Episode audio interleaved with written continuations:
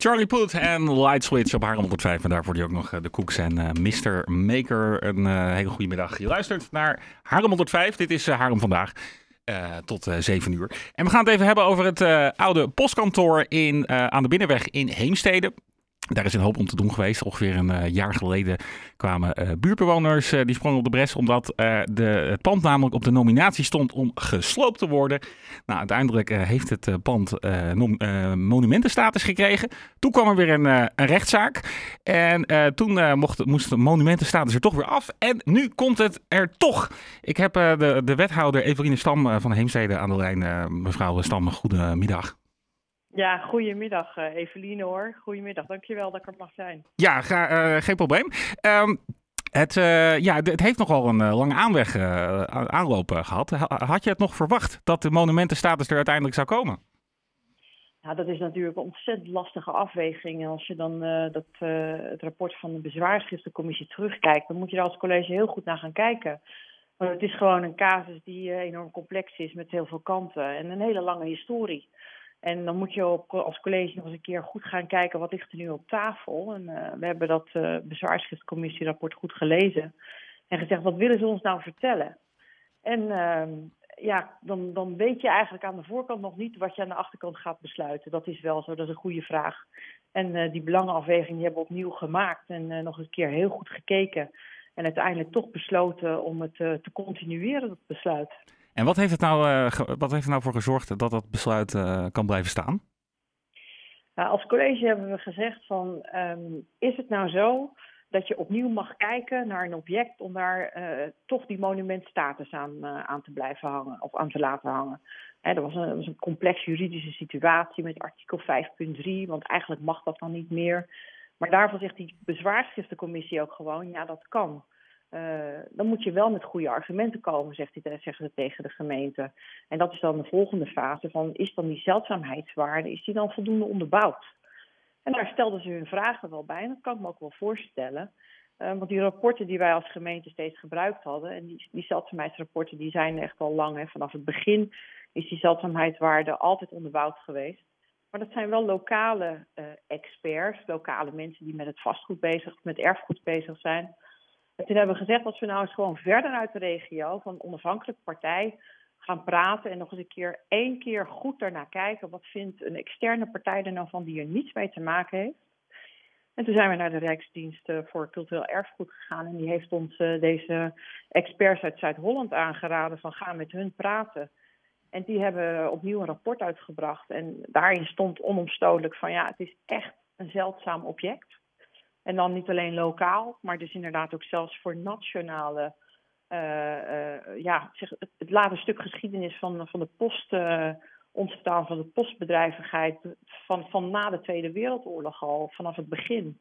En dan hadden wij in het begin altijd een wat, wat smallere basis voor die zeldzaamheidswaarde. En dat, dat wordt steeds breder. En dat is lastig. dan, dan heb je al die rapporten die daar, die daar zijn. En dan moet je wat mee als college. En um, voor ons is het natuurlijk ook heel belangrijk geweest om naar die financiële risico's te kijken. Want je, je, doet, al, je doet nogal wat als, als college om dat dan toch vast te houden. Ja, want inderdaad, wat, wat, wat betekent dit nou voor de projectontwikkelaar? Die heeft nu een pand gekocht en uh, dat heeft nu ineens een monumentenstatus. Ja, dat is zo. En dat kunnen wij ons als college enorm goed voorstellen. Dat dat voor een ontwikkelaar een zeer lastige positie is. En dat getouwtrek, uh, dat, uh, daar wordt niemand blij van. En uiteindelijk is het dan toch aan het college om die belangenafweging te maken. En naast dat uh, het belang van de ontwikkelaars, die aan de ene kant denken van nou, ik kan daar gewoon gaan bouwen, want er is niks aan de hand. Dan zijn er ook de belangen van de erfgoedvereniging. Uh, er is onze eigen erfgoedcommissie, die heeft daar positief op geadviseerd. Ook al 2021 met het vorige college om er wat van te doen. Er zijn de omwonenden. Maar er is ook onze eigen financiële risico. Dat moet je allemaal tegen elkaar afwegen. En ook dat belang van die ontwikkelaar. En dan zeg, ga, je, ga je denken van, er kan naar ons inzien dat van de gemeente nog steeds ontwikkeld worden, maar alleen anders dan dat de ontwikkelaar dat voor ogen heeft. En wij hopen gewoon dat we daarover in gesprek kunnen gaan ook.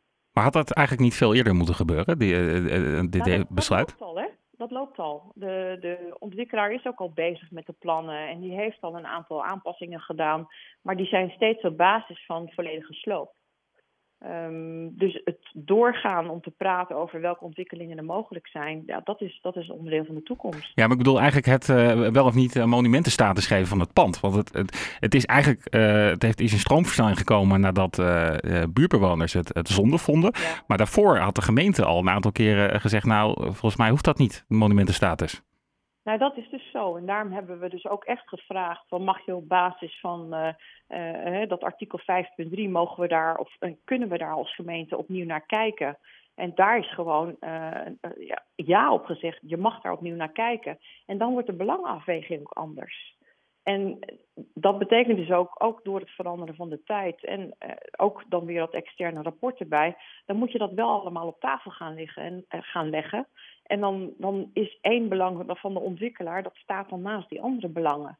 En daar, moet je, daar kijk je dan naar en maak je die afweging.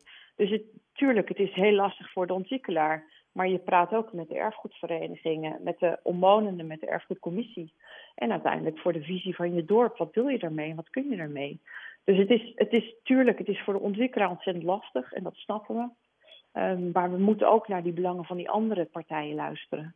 Ja, maar, maar als, als, als het uh, dus al twee keer de gemeente heeft gezegd, ja, nou volgens mij hoeft dit helemaal geen monumentenstatus te krijgen en het dan, je dan een pand koopt en het dan ineens een, uh, toch een monumentenstatus krijgt, dan, dan vraag ik me toch af, wat, wat heeft de gemeente eh, de jaren daarvoor gedaan? heeft iemand zitten slapen bij de, bij de monumentenstatusafdeling, zeg maar? Nou, Had dat niet eerder kunnen gebeuren? Dat zou je denken, inderdaad. Dat is aan de vorige colleges ook op die manier uh, gedaan. En dan wordt er toch nog weer een appel gedaan. Uh, en ook door je eigen raad, een moreel appel, om te kijken hoe zit het nou met, met, die, met die status daarop. En dan word je verplicht om daarin te duiken en om, om opnieuw te gaan kijken van wat vinden we ervan. En je wordt natuurlijk altijd daarin voor een deel door de tijd ingehaald. Maar voor mij vind ik het veel belangrijker, mag je als gemeente dat doen? En om die permissie te hebben, is, hebben we ook dat aan de bezwaargeschriftencommissie gedaan. En kun je dat doen? Houdt dat in dat de ontwikkelaar anders uh, met zijn plannen moet omgaan? Ja, inderdaad. En daar willen we elkaar, ja, ik hopelijk in de toekomst zo goed mogelijk uh, in vinden. En houden jullie rekening met een, uh, met een claim van de, van de ontwikkelaar? Nou, dat is een vraag die hebben we natuurlijk uh, consequent uh, elke keer uh, goed bekeken. En, en, en je ziet eigenlijk ook dat die juridische rapporten die daarover naar voren komen, um, consequent zijn over dat dat financiële risico redelijk laag is.